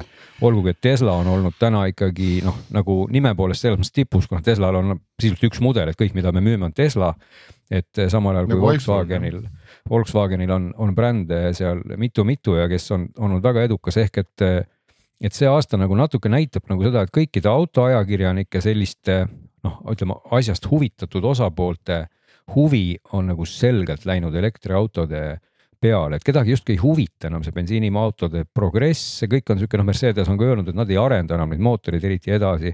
et kõik nagu selline huvi, aur, kõik, kõik, kõik panustavad metsikult sinna, see kaks tuhat kakskümmend kaks nagu tõesti näitab, et see, see surve on suur, nüüd on muidugi iseasi, on huvitav vaadata, et tulevikus, et kuhu poole see pall nagu veereb, et siin, siin tundub, et vastu hakkavad nüüd tulema nüüd seesama laadimiste teema, eks ole, võib-olla meil kortermaja elanikud ja kõik, kõik see pool, et, et Eestis kuidagi tundub olevat täna sihuke vastasseis hästi terav, et ühtepidi on olemas sellised autoentusiastid ja, ja inimesed, kellele väga meeldivad elektriautod, kes neid väga propageerivad mis tahes põhjustel ja siis kuidagi teistpidi on selliseid, ma pean saama tuhat kilti diisliga läbi sõita, muidu suren inimesi ka ja ja, ja see vaidlus on nagu kohati koomiliselt terav.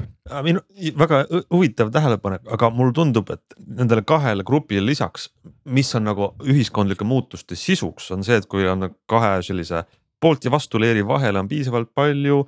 Ma ütleksin sellist nimetust kui tavalisi inimesi ja nagu sa ütled, tavalised inimesed hakkavad ostma elektrisõidukeid. Jaa, aga tavaliste inimestega- ja vot see on see märk, neid ei ole veel palju, aga hakkab. tavaliste inimeste puhul on see probleem, et ja Glen võib parandada, kui ma eksin, aga üldse elu on kallimaks läinud, autod on minu arust nagu hüppeliselt kallimaks läinud, elektriautod on veel nagu võrreldes siis sisepõlemismootoriautodega nagu omakorda kõvasti kallimaks läinud, ehk siis see, see hinnatõus on olnud neil eri, erakordselt suur ja, ja tavalise inimese puhul on ikkagi see, et seni, kuni ma ei saa osta No. no. normaalse hinnaga elektriautot, siis ma seda ka ei osta, eks ole, praegu näiteks on- mina ei näe, et ma peaks ostma elektriautot lihtsalt sellepärast, et see hind on nagu nii õudne ja ja ongi, et ma, ma ei ole kindel, kas see oli Euroopas või Eestis, aga ma sain kuskilt mingist tabelist ma lugesin välja selle, et noh, Tesla Teslaks, Tesla on nagu väga edukas, aga. aga kõige edukamad elektriautode müüjad ongi äh, Mercedes, Audi ja BMW ehk siis nagu luksusautosid ostetakse elektriautodena, eks ole, et ja, ja sellist no, tavalist autot ma osta ei saa et no siis, siis, sama, sa, sama... sa räägid praegu uute autoturust, jah tõsi küll, aga sama... mida Eestis on ka näha, on sama... see, et nii elektriautod on meil olemas kümme aastat või mhm. umbes, umbes niimoodi ja järelturg on ehk selline pere teine auto või selline mingisugune kasutatud auto, see on üha mõistlikum. muide tahakski öelda ja see, see, on, see ongi väga õige, väga õige punkt, mida öelda, et täna ikkagi ka, kui sa vaatad ka legendaarne Nissan Leaf on ikkagi täna saadaval noh, on saadaval nüüd esimese ja teise põlvkonna Leafisid tegelikult erakordselt mõistlike hindadega ja kui sa ei taha nagu tõesti, et sul auto nüüd kiirendaks seal mingite mõne sekundiga sajani ja, ja omaks mingit õudselt suurt vau-efekti, siis ausalt öeldes eh, täna saad sa rahulikult seal kümme tuhat pluss, olenevalt siis mis aastast, mis konditsioonis Nissan Leaf'i küll ja veel. ja, ja võimalik on ka seal akupakke veel ise turgutada ja, ja vahetada, et pigem nagu ma, ma isegi ütleks, et, et inimesi on selles mõttes laias kahte sorti, et on ühed inimesed, kes kelle jaoks on nagu piisavalt sellist julgust ja tahtmist ja kes teevad selle hüppe ja saavad aru, et nad saavad sellega hakkama. ja teistpidi on võib-olla teist, teine osa inimesi, kes näeb, näeb nagu hästi palju probleeme ehk et esimene probleem, mida nähakse, võib-olla ongi see, et aga ma ei saa nii kaugele sõita, aga ma ei saa laadida ja võib-olla on need probleemid mõne inimese jaoks tõesti väga olulised. aga, aga, aga, aga need kõiki probleem, probleemide nagu lahendamine algab nende lahendamisest. Ehk et, et kui sa elad täna kortermajas, siis mõtle, kuidas sa saaksid laadida. Ja võib-olla on täna just nimelt see võib-olla kaval vihje, mida ma ei tahaks üldse kellelegi rohkem öelda kui omavahel öeldes ainult, et ei ole paremat aega omada elektriautot kui viis aastat tagasi ja täna sest et mida rohkem läheb aeg edasi, seda rohkematel inimestel on kahjuks elektriauto, seda vähem tuleb igasuguseid soodustusi, seda keerulisem on teil siis kortermajas laadida kui täna, sest täna te olete võib-olla üksi, teil õnnestub täna teha mingi väikene süsteem, kokkulepe, asjad, kõik see toimib. aga võib-olla viie aasta pärast pole see enam üldse nii, võib-olla siis tuleb oodata veel kaks või kolmkümmend aastat, et jõuaks see kõik see süsteem nii palju järgi olla sama mugav, ehk et ma nagu ütleks seda, et et kui sa tahad, tahad nagu täna nautida kõiki neid hüvesid, siis on see aeg tegelikult täna, täna selleks väga soodne. jah, aga ma, see on päris kaval üleskutse, ma pean tunnistama, aga meie jutt algas sellest, et kuidas kergliikuride liiklusseadus muudab seda pilti meie tänavatel ja selles mõttes ma mõtlen, et kogu äh, austuse juures, Glen, aga see elektriautode teema suures pildis ei muuda midagi, meil ikka inimesed kolistavad autodega no, on, kontor, pood, spordiklubi, kodu ja, ja., ja linn on ikka autos. ma tahan võtta sul sõnasabast kinni, väga õige point, et ega siis maailma probleem ei ole niivõrd võib-olla isegi täpselt see, et, et millega autod sõidavad, vaid kas üldse autod sõidavad. et, et loomulikult linnades, linnades on see endiselt probleem, aga noh, teistpidi on selge see, et ikkagi ükskõik, mida need näitajad või, või õhu kvaliteedi mõõtmised või või ülevaatuspunktid mõõdavad, siis noh, fakt on see, et täna autoga liikluses liigeldes ma juba ikkagi näen, et kui ees on selline auto, mille saba peal tähed reedavad selle kütuse päritolu ja, ja, või on see on ka mingisugune bensiinisõiduk, millel on lont järgi, siis ikkagi see, see õhu kvaliteedi teema, ma ükskord tabasin nagu ennast mõttelt, et kui äge oleks sõita linnas ringi, kui autod ei tossa, et see oleks nagu täitsa kujuteldamatu olukord. aga mikroplasti rehvide alt äh, tuleb sulle no, tuleb jah, loomulikult, aga, aga, aga noh, see on seesama, see on seesama koht, et noh, sa võid ju öelda, et, et noh, et mis ma siis üldse midagi teen, kui niikuinii midagi jääb ikka halvasti. ei, ei, me räägime nüüd jälle tõuksidest ja ratastest ja, jah, aga, aga, aga noh, et kui, kui, kui nagu see liikumine muutub elektrilisemaks, ei ole seda tossu ja teistpidi ka, kui kui ikkagi noh, mina olen ka nagu seda poolt, pean tunnistama, olgugi et mulle väga autod ja, ja kiiresti sõitmine ka meeldib. et tõepoolest kesklinna alades sellise autostumise piiramine on nagu väga okei mõte, et tegelikult ei ole vaja trügida autoga kusagilt läbi, kus, kus mingid imbetsillid kolmekümnega ummikus ootavad, sellest ei ole mitte mingit tolku, et pigem siis tehagi sinna veel, ma ei tea, viis puiesteed ja, ja, ja kergliiklusteed ja kaks tuhat kakskümmend kolm Tallinna kesklinn kaevatakse üles trammide ehitamiseks, nii et ärme sõida kesklinnas autoga. see on väga õige. kuulge, aga kas, kas me ilusad mõtted uueks aastaks, kas meil on öö, Eesti uudistest veel midagi hingele, mida autost, esile tõsta? autost rääkisime, siis tegelikult ähm, Eesti uudistest äh, sellest digitaalsemaks muutumisest ja sellest mina nee. olen siin äh, tegelikult me peres mõlemad oleme sel aastal kokku puutunud äh, nii lubade tegemise kui, kui autode ostmise, müümise ja, ja ka muude asjadega ja siis mulle on jäänud mulje, et ma olen, noh, ma olen jäänud sellest rongist küll maas ja see võib olla nagu ammu juba niimoodi, aga mulle tundub, et ähm, kui ma siin mõned aastad tagasi üritasin nagu lubasid teha esimest korda ja, ja vaadates praegust aega, siis ähm, see, mis on vahepeal toimunud, on nagu fantastiline, kui mugavaks on asjad tehtud nii autokoolide poole pealt kui transpordiameti poole pealt, samamoodi. auto ostmine ja müümine on tehtud nagu nii lihtsaks ja mugavaks ja ma julgeks öelda ka turvalisemaks kui vanasti. et siin nagu e-riik minu arust töötab äh, väga hästi ja, ja teine asi, mis on sel aastal juhtunud, on siis see elektrooniline või digitaalne liiklusõnnetus teatamine avarii.lkf.ee et ma ei pea enam äh, kindral hakkas kandma kaasas seda paberit ja seda täitma ja mõtlema, kas see oli mul kaasas või ei olnud, kui see laks ära käib ja ma pärast šokis olen, eks, et. et siin on nagu toimunud mm -hmm. ikkagi päris palju sellist digiriigi asja, mis on äh, minu arust väga positiivne. ma arvan, et see on sulle hästi välja toodud ja muide kogu digiriigi osas oli veel üks pudelikael, kui mul see ID-kaart aegus, ma pidin minema järjekorda mingisse salongi, ootama uut kaarti ja see oli üks kord viie aasta jooksul, kui ma olin kirusin ja, ja see ju saab ka lahenduse, kui te olete kursis, uuest aastast saate hakata Selveri infoletilist kätte ja. saama oma neid dokumente, nii et, et Eesti e-riigiga on asjad ikkagi päris head, päris super. kui kellelgi ei ole just teisi kommentaare. üks selline huvitav asi, mis paljude nüüd seotud, seotub digitaalse tehnoloogiaga ikka on, on see muusikatrendide olemus, mida ka kaks tuhat kakskümmend kaks noh, kas nüüd üllatusena, aga ikkagi kinnitas, et nii kummaline kui see ei ole, siis vinüülplaadid nüüd paljudes riikides, ma ei tea, kas maailma statistikat nii globaalselt on tehtud, on igal juhul äh, müüginumbritelt ületanud siis CD-plaate, noh CD-plaatide tulu on, on väiksem, kui on vinüülplaadi müügitulu ja üks näitab selget kasvutrendi ja teine näitab sellist vaikset hääbuvat langustrendi. vinüülplaat on kellegi arvates cool, et CD-plaat on siuke niisama mõttetu plastik asi, eks ole. nojah, et, et, et ja, ja vinüülplaadi müüginumbrid ei, ei kasva vaikselt, vaid, vaid pigem noh, kas just plahvatuslikult, aga ikkagi suhteliselt äh, kõrges graafikus ja täna on ikkagi olukord, kui, kui siis muusikud või keegi tahab teha oma plaati, ikkagi me oleme jäänud sinna mõttemalli ju kinni, et et, et me teeme, noh, see ongi muidu vinüülplaadist on alanud see plaadi tegemise selline kontseptsioon, eks ole, et bänd või artist tegi plaadi, eks ole, siis, siis oli see just nimelt vinüülplaat, sealt tuli ta siis omakorda CD-plaadiks, jäi põhimõtteliselt samasse pikkusesse. aga kui ilmus välja striiming, siis see, see plaadi tegemine muutus nagu natuke siukseks kummaliseks arhailiseks mõisteks, sest CD hakkas justkui ära kaduma.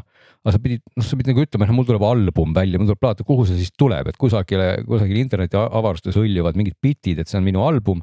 et tegelikult vinüülplaat andis jälle nüüd siis väga hästi nagu hingamise, käega katsutava nagu hingamise sellele mõistele, et ma tegin plaadi ja, ja kui ma nagu naiivselt siin ka arvasin, et võib-olla just vinüülplaadi ostja on täna selline selline minevikku ihalev tüüp, eks ole, kes, kes kuulab siin vanu bände ja vana muusikat ja, ja isegi kui seda uuesti nüüd välja antakse, siis läheb kohe tormab ja, ja selle ostab, sest tal on nagu kõik need ajad meeles, kuidas see käib, siis tuleb tunnistada, et et siin mingit statistikat, mida on tehtud, räägivad täitsa vastupidist äh, asja, et nimelt äh, kõige müüdumad artistid, noh, kui me vaatame kaks tuhat kakskümmend kaks, kes vinüülplaate välja andsid, äh, olid Taylor Swift ja Harry Styles, mis mõlemad kaugeltki ei ole pärit eelmisest sajandist, eks ole ja, ja nende ostjad on samamoodi tegelikult noored inimesed ja siin noh, lugesin just ühest UK muusikalehest, kus siin tehti natuke intervjuusid ostjate ja, ja, ja, ja kellega, kes siis, keda see huvitab ja tuleb välja, et täiesti teismelised ostavad äh,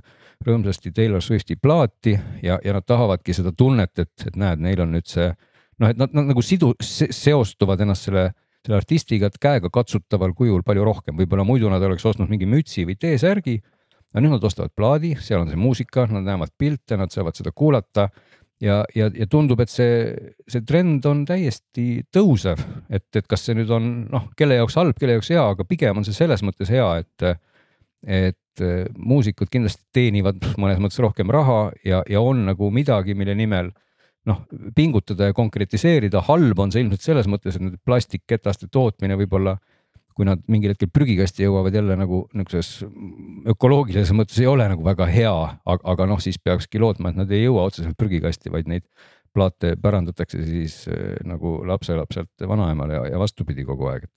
et, et ühesõnaga, see oli see kokkuvõte, kuidas siis aasta kaks tuhat kakskümmend kaks on teinud täitsa absurdse nagu nihke ja tõestanud seda veel kord, et, et vana hea nii-öelda analoogmeedium sellises vanas formaadis eh, tuleb suure mühinaga tagasi. No ja mõnes mõttes ma haaraksin sinul sellest äh, mõttest kinni ja ütleksin jällegi paralleelselt veel suurema mühinaga on ikkagi striimingu teenuste võidukäik. ei muide, ei, ei muide, et... ei ole, ma vaidlen vastu, et, et tegelikult. väga, väga kohe vaidle, aga ma tahan öelda, mis võidukäik minu arvates on, on nende paljususe osas. jah, see oli selle aasta fenomen. Eestis, kas teate, kui palju Eestis on striimingu teenuseid? kõiksugu tele nii-öelda operaatorid on, on üks hulk ja siis on ju veel näiteks olete te ähm, sirvinud ja vaadanud sellist ähm, streaming teenust nagu Arkader. Vot siin ongi see küsimus, et kui see on kuskil arvutis saadaval, siis äh, ma ei kavatse seda kasutada, ja, ja vaata, aga siin on, siin on siis nagu on, nii. et neil on ja ma, ma tean, ma, ma tahan sulle juba kohe vahele segada, ennem isegi võib-olla no,, kui sa seda neid nimesid tegelikult loed. Suures plaanis on probleem selles, et nagu me siin juba rääkisime suurtest firmadest ja, ja suurtest asjadest ja ettevõtmistest, mis kõik baseeruvad, noh, mille väärtus baseerub inimhulgal, siis streaming teenustega tundub olevat natuke olukord, kus see turg hakkab nii-öelda täis olema, ehk et neid ei tule enam kusagilt juurde, et eh, küll kui me vaatame siin eelmise aasta protsenti ja selle aasta või noh, nagu kasvu, siis oli see umbes eh, kümne protsendi alla, mis on nagu suhteliselt marginaalne, aga mis on, mis on hoopis vastupidine, on see, et palju siis keskmiselt iga kasutaja toodab nagu kasumit. Ja see number tegelikult eh, isegi natukene on langenud, see oli sellise viiekümne dollari juures ja see mõned sendid eh, langenud Billboardi statistika järgi ehk et tegelikult see striimingu kuulaja noh, on nii, turg on nii ära satureeritud, nii täis, et see inimene ei tooda enam kasumit ja on seesama efekt, et ta peaks nagu hüppama sinna nüüd, sinna uude Tiktoki piltlikult öeldes. ja, ja see ongi see koht, võib-olla sa nimetasid üles neid mitmeid, mitmeid striimingu tootjaid, kes üritavad justkui siis leida mingit oma nišši, aga nad kõik jäävad selle striimingu katuse alla. aga kui me vaatame vinüüli täna siis see, see ei ole absoluutselt täis, kui me leiame neid uusi noori, kes tahavad neid plaate osta, neid tuleb järjest, järjest, järjest juurde. et, et nad, nad on mõnes mõttes nagu paralleelsed, et me ei saagi täna öelda, et ega siis see inimene, kes täna ostab selle Harry Stylesi ja kuulab või noh, omab selle vinüüli, tõenäoliselt ta kuulab ka seda streaming ust, seda Harry Stylesi. pigem on see, et ostab selle vinüüli, paneb kappi seisma ja võtab sellest kapist lahti. täitsa võimalik on ju, aga, aga see ongi see koht, kus täna siis äh, kõikidel Harry Stylesidel tekib ka nagu motivatsioon teha see plaat, sest et siis noh, üks nagu üks nii-öelda kergitab teist ja, ja, ja vastupidi kuigi noh, ma tahtsin vahele öelda, et, et tegelikult ta võivad riiulisse panna plaadi, aga ka vinüülimängijate müük tegelikult on tõusnud, et. no ei, no ilmselgelt, sest et no,. tuleb mängida ka, no, aga, aga ma arvan, et äh, see, mida sa ütlesid, see selline küllastumus voogedastusteenustest, pigem on küsimus äriliselt nii ettevõttele kui ka minul tarbijana, et mul on päris huvitav sirvida arkaadrist vanu Eesti Tallinnfilmi filme ja uusi Eestis ja, filme vaadata netikinost. et miks selline asi eksisteerib. ma tahan öelda, Jupiterist vaatan veel sisu, siis vaatan Disneyt ja Netflixi ja, ja neil on veel kõik Apple TV-d, aga ja need ka igal pool on huvitavad, sellepärast et voogedastus kui äh, teenus on ennast tõestanud, et see on mulle mugav, ma saan vaadata ja see on põnev ainukene asi on see, et kas ma kõigi eest maksan kogu aeg kuutasu või mitte. just ja, ja, ja siin maksa. ongi see küsimus, et äh, neid on liiga palju kõik teavad, et see on liiga palju, nüüd, kus majandus langeb, siis ilmselgelt see ei ole jätkusuutlik ja mina ennustan, et see eriti mujal maailmas tõmmatakse kõvasti kokku, et liit, liitumisi tuleb ja äraostmisi järgmisel aastal kindlasti omajagu. ja noh, kui me räägime sellest arkaadrist või mis muudest asjadest, mina ei saa aru, miks need asjad eksisteerivad ja miks need, see sisu ei ole saadaval näiteks Jupiteris näiteks. ei, see on väga loogiline, miks see eksisteerib, sest et meie maksumaksjana rahastame sellist äh, filmiarhiivi, aga me ei ole sellele ligipääsu olnud okei okay,, aga kui meil on filmi, nii, okei aga kui meil on filmiarhiiv, mida meie maksumaksjana rahastame ja meil on olemas ERR, mida me maksumaksjana rahastame, siis jätkuvalt küsimus, miks me ei saa seda vaadata Jupiterist, millel on olemas kanalid, äpid, asjad, miks? nagu mõistmatu minu jaoks, miks pannakse raha kahte kohta, eriti maksumaksja raha, kui võiks olla ühes kohas? võib-olla ei tule välja ma no, eeldaks, et no, jah, aga, muidugi selle nagu selline varjukülg või, või noh, kuidas nüüd öelda, on, on võib-olla see, et üks asi on leida nagu sellisel tööstusel siis väljundeid hoopis teistes meediumites, aga teistpidi tähendab see võib-olla seda ka, et kui need nii-öelda kasutajad on seal täis ja vaja on konkureerida, et see ühtepidi tähendab veelgi siis kas siis hinnalangetusi, mis omakorda puudutavad siis neid inimesi, kes sealt ka raha saavad ja, ja muusikud, kes sealt no, saavad raha, saavad seda hoopis vähem ja teistpidi just. puudutab see võib-olla ka hoopis hinna tõstmisi siis nende nagu asutuste jaoks või, või teenuse osutajate jaoks, kes tahavad justkui ellu jääda, sest et, sest et kui see maht kasvab suuremini kui nende kasuminumbrid no, või tootlus on, on jälle nii-öelda. me ju näeme tegelikult me näeme seda Netflixi näitena, kuidas nad on tõstanud väga kiiresti, väga agressiivset hinda ja, ja me näeme ka seda, kuidas nad selle võrra kasutajaid kaotavad ja nüüd nad üritavad just. seda parooli jagamisele Peitsis pähe panna, kus mm -hmm. nad mhm. kindlasti veel mm -hmm. kasutajaid kaotavad. ehk siis tegelikult lõpptulemus ongi see, et ikkagi see raha, mida me saame meelelahutuse peale kulutada igasuguste hinnatõusude ja inflatsiooniga läheb järjest väiksemaks, mis tähendab ka seda, et. et see pott läheb kõvasti väiksemaks ja kuskilt peab neid korrektuure hakkama tegema, see meediamaailm. ja, ja aga, aga, aga, aga, aga sellele, nii. kaks, kaks aspekti aspekti ja kommertslikud ja mittekommertslikud teenused, et tõesti nendel Netflixi taolisel teenusel on see tõehetk praegu käes, kas sa pead olema kahjumlik ja üha rohkemate kasutajatega või lõpuks jõudma siis nulli ja olema väiksema kasutajate arvuga. mis on see kompromiss, mida see parooli jagamise piiramine toob, aga mittekommertslike teenuste puhul nagu need Eesti omad, millest me rääkisime.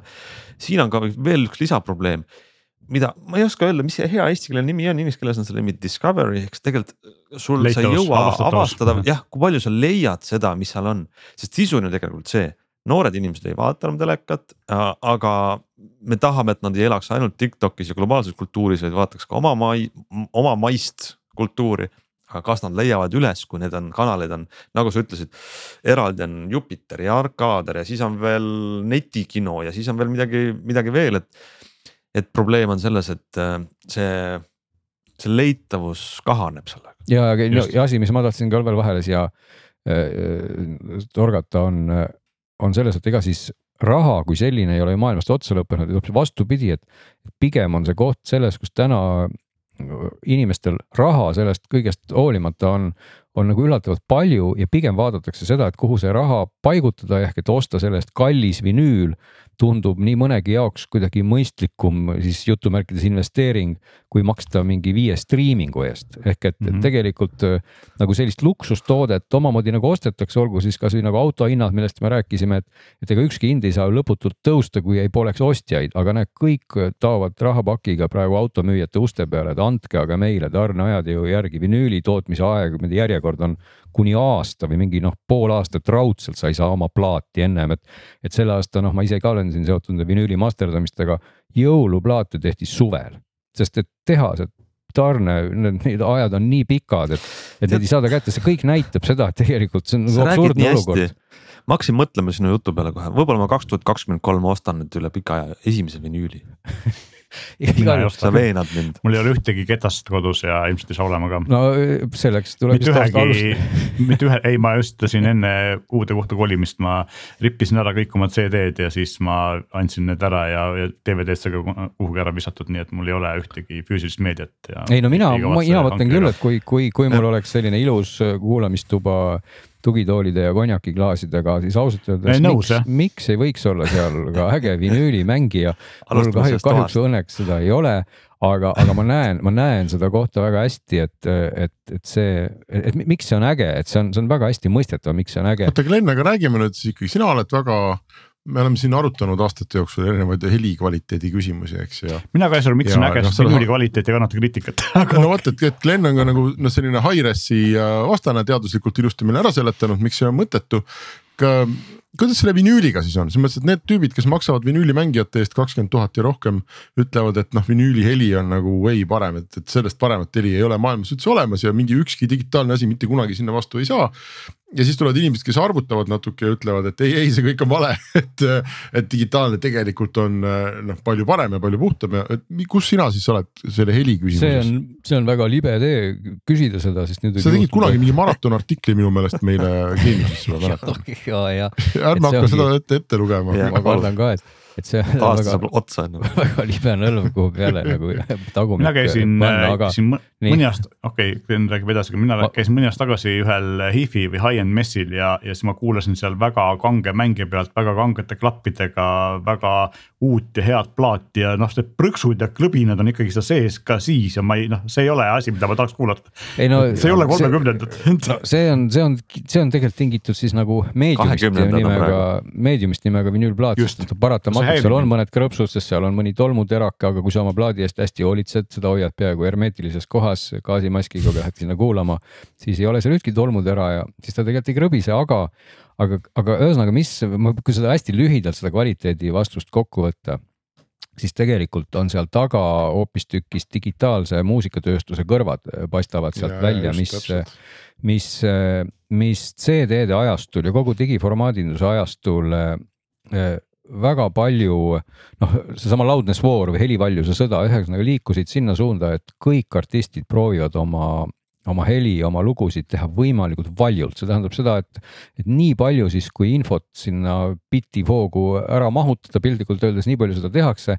kui oli nagu vana hea lindi vinüüli ajastu, siis, siis teadupärast kõik mäletavad, et kui keerati salvestusnivood juurde, siis hakkas, läks osuti punasesse ja kõik see hakkas kärisema. ja seetõttu keerati siis seda nivood nii palju maha, et see ei kärisenud ja sinna siis rohkem ei mahtunud. digitaalsel ajastul on seda, seda jutumärkides kärina osakonnad taga, targad algoritmid väga hästi vältima hakanud, ehk nagu siis nagu võit, võidab see, kellel justkui surres on kõige kõvem lugu, eks ole, aga, aga vinüülplaat omamoodi taastas selle kunagise toreda olukorra, et et vinüülplaadi peal ei ole enam mõtet sellist helivaljuse sõda pidada ja seetõttu me- ma isegi julgeks väita, et tänastest äh, plaadi väljaandjatest, olgu, et täna võib lihtsalt igaüks anda põhimõtteliselt välja plaadi, sest noh, see plaadifirma mõiste on muutunud väga niisuguseks küsitavaks, aga ikkagi ka suured tegijad, kes annavad, annavad välja plaate siis digitaalsel kujul streaming utesse ja teevad seda ka vinüülidele, teevadki seda erinevate master itega, ehk et see master on siis see, mis läheb sinna streaming usse. see on reeglina palju rohkem tugevaks lükatud, kõvaks aetud, tehtud selliseks väik- suhteliselt väikse dünaamikaga selle nimel, et ta sul ka mobiiltelefonist väga hästi kostaks, et ta pisikesest kõlarist väga hästi kostaks. aga kui sa kuulad seda suurtest ja kvaliteetsetest kõlaritest, siis sa võid avastada, et, et see heli on kuidagi kokku surutud, dünaamikat seal ei ole, ei ole sellist nii-öelda trummilaksu, jääb, jääb see asi siukseks hõredaks, aga vinüüli peale seda, seda poolt sellest töötlusest mastering'ist ei tehta kaugeltki nii agressiivselt. ja, ja vinüülplaatide jaoks tehtud master'id kõlavadki hoopis, hoopis avaramalt, sest neid ei kuulata reeglina mobiiltelefonist. ja, ja kui sa lähed. asi ei ole mitte selles, et plaat oleks parem, vaid see. absoluutselt mitte, et see tegelikult ega siis üheksakümmend üheksa protsenti tänasest toodangust, olgugi et on ka neid helistuudioid tõesti, kes teevad kõiki analoogformaadis, kus on lintmakid, kus on analoogpuldid, kus tõesti kõik käib nii, nagu tehti seda siis kaheksakümnendatel, aga noh, see on marginaalne protsent ikkagi enamasti on kõigil arvuti tegelikult kõik salvestus on ju ikkagi digitaalne, me kasutame ikka neid emulaatoreid ja asju. ainult selle lõppformaadi me siis vormistame hoopis teise sõbralikuma nagu käekirjaga ja, ja ideaalne maailm oleks minu jaoks see, kui ma saaksin ka streaming ust kuulata seda vinüüli master'it. Ehk et palun andke mulle see, mida te vinüülile pressite, aga seda loomulikult ei anta, et selle Aga- asemel me saame osta vinüülplaadi mängija, kust me saame nii-öelda rippida selle plaadi omale telefoni, siis me saame selle vinüüli kvaliteedi, eks ole, mõtlengi, et aga kas, Nii. kas on nii, et, et ma ei saa seda üldse osta, kui ma olengi see eh, väga kalli asjaga veiniklaasi ja kamina ees kuulav, siis kas mul ei ole mingit teenust või mingit neid DSD pakkujaid, kes eh, Ei. teevadki selle sama materjali peale, ei tee? ei, ei, seda ei ole võimalik osta, isegi kui sa kuulad seal mingit, mis need on, Tidal või kes pakuvad siis noh mm. -hmm. nii-öelda pakkimata heli. tegelikult ikkagi see, see toodang on ikkagi see täpselt seesama master, mis nagu läheb sinna okay. digitaalsesse maailma. vanasti sai et- nendest, kui veel muusikapiraatlus oli teema, siis sai aeg-ajalt mingitest plaatidest vinüülirippe download ida. ja mõni muide ära. ja see, see on, see on ka täitsa tänapäeval olemas, et, et vinüüliripid on täiesti teema. Ja, ja nagu ma ütlen, väga paljud mängijad ju võimaldavadki digiteerida vinüüle, pistad sinna USB kasvõi pulga, rääkimata juhtmest ja saadki kohe oma vinüülplaadid ära digiteerida siis no väikese. aga sa saad selle ikkagi, selle lõppkvaliteedi sa saad täpselt nii kvaliteetse, nagu see mängija sul oli, et kui see mängija on saast, siis, siis on tulemus ka saast, siis on tulemus Jah. ka halvem, eks ole, aga loomulikult siin, siin noh, ei, ei tasu võib-olla päris ära unustada ikkagi tõesti seda poolt, mida see meedium siis lisab, et kahtlemata on neid inimesi, kelle jaoks noh, Meelis talle krõbin ei meeldi, võib-olla on ka need inimesed, kellele see krõbin just meeldib ja me ei räägi ainult krõbinast, ega siis tegelikult vinüülplaat ikkagi oma olemuselt muudab helisignaali ka üksjagu, et neid korrektsioone, mis seal tehakse, et, et see sagedus sinna nii palju ära mahutab, kui ta mahutub ja kõik see stereokorrektsioonid igasugused tehnilised terminid. see kogu see vinüülimeedium tegelikult helikõla ikkagi mingil määral muudab ja see muutus ei pruugi olla üldse üldse ebameeldiv, et, et väga paljud nendest inimestest, kes seda kiidavad, ütlevad, et see on ülimuslik, see ta on soojem. vinüül ja analoog, just see soojem ja kõik need siuksed kummalised terminid, eks ole, mida heli kohta öeldes noh, kõik on ju sellised, et kust sa kinni võtad, ega sa ei, ei pane kraadiklaasi sinna külge, on ju. et, et aga kõik need nüansid, mida siis meie aju ja kõrv tajuvad, kui see meie jaoks võrdub hea, siis see ju selle kuulaja jaoks ongi hea ja, ja väga raske on talle vaielda vastu, öelda, et oi, et see on ju täielik äh, jama, et kuula seda digitaalset asju, aga, aga muidugi, kui sa kõik selle teisendad nagu arvudeks, võtad tükkideks lahti, siis sa võid väga hästi tõestada iga kell ära, et, et noh, digitaalne heli ja kõik see töötlus on, on selles mõttes parem, et ta ei, ta ei lisa justkui helile midagi, kui see töötlus on kõik korrektselt tehtud, eks ole, et analoogformaadid, meediumid alati lisavad sahinaid, krõbinaid ja kõike, aga, aga võib-olla see ongi hea eks see on ka väärtuse küsimus, eks ole, et kas sul, kas sa oled nagu hindad seda muusikat piisavalt palju, et sa lähed ostad selle plaadi ja selle mängija ja siis sa hoiad seda ja hooldad seda, eks ole, paned selle sinna. ei muidugi, sest ega, ega, ega ega plaat ju tegelikult, vinüülplaat ju kulub iga mängimisega, et see on omamoodi ka paradoks, et, et alates esimesest kuulamisest juba sinu kvaliteet vinüülplaadi peal natukene langeb. Sest et noh, mitte midagi ei saa teha, Mhm. nõel käib seal mööda neid vagusid ja iga, iga kuulamisega silub ta neid natukene ära, ehk et kõrgete sageduste. ikkagi tuleks siis äh, osta see plaat oma lemmikartistilt, ta ära rippida ja siis kuulata Jah. seda master'it siis oma see oleks see oleks ilmselt kõige MP3-le., kõige jätkusuutlikum lahendus, kui sa tahad jah, et, et siis sa, sa vaatad seda plaati seal riiulis ja tead, et see on ikkagi täpselt peaaegu ühe kuulamise jagu ainult läinud kehvemaks. saame näha, kas see trend läheb kaks tuhat kakskümmend kolm massidesse või mitte. Ma arvan, et me oleme siin tunnikene rääkinud ja, ja me ei ole võib-olla rääkinud paarist suurest teemast ähm,. Mina mis on pean nüüd kindlasti hakkama olulised, lahkuma igal juhul. aga ma aasta, me salvestame kolmkümmend üks detsember, et varsti on aastavahetus Just. käes, saame siin šampuse avada ja head uut aastat soovida. ma, ma tahtsingi Ja. öelda, et tegelikult me rääkisime virtuaalreaalsusest nüüd detsembris hiljuti ühe pikemalt ühes saates ja, ja, ja tehisintellektist ja, ja chat GPT-st rääkisime kaks saadet detsembris. et need teemad tulevad kindlasti tagasi kaks tuhat kakskümmend kolm. meil on palju, palju ka selliseid asju tuleb tagasi, mida me ei oska praegu veel üldse ette näha, me kahjuks ei ole ettenägijad, kuigi tahaksime olla. Aga mulle tundub, et me võtame kaasa sellest kaks tuhat kahekümne kahest nii väikseid rõõme, väikseid pettumusi, mõningaid lootusi mm.. aga igatahes me saadame ta rõõmuga ära. ütleme aitäh kõigile, kes on meid kuulanud, meiega olnud ja kes meiega järgmine aasta ka veedavad koos. jagage meiega ka oma mõtteid ja ootusi ja, ja kommentaare, kirjutage meile, te leiate meid internetist.